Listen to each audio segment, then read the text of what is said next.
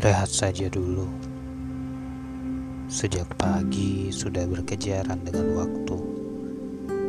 Kalau belum didapat, besok kita lanjut lagi.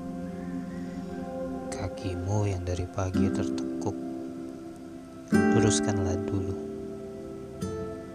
Yang sudah letih berdiri, sudah boleh duduk kok. Esok kita coba lagi esok semangat lagi. Untuk saat ini, selamat tidur. Tubuh dan hatimu juga butuh jeda.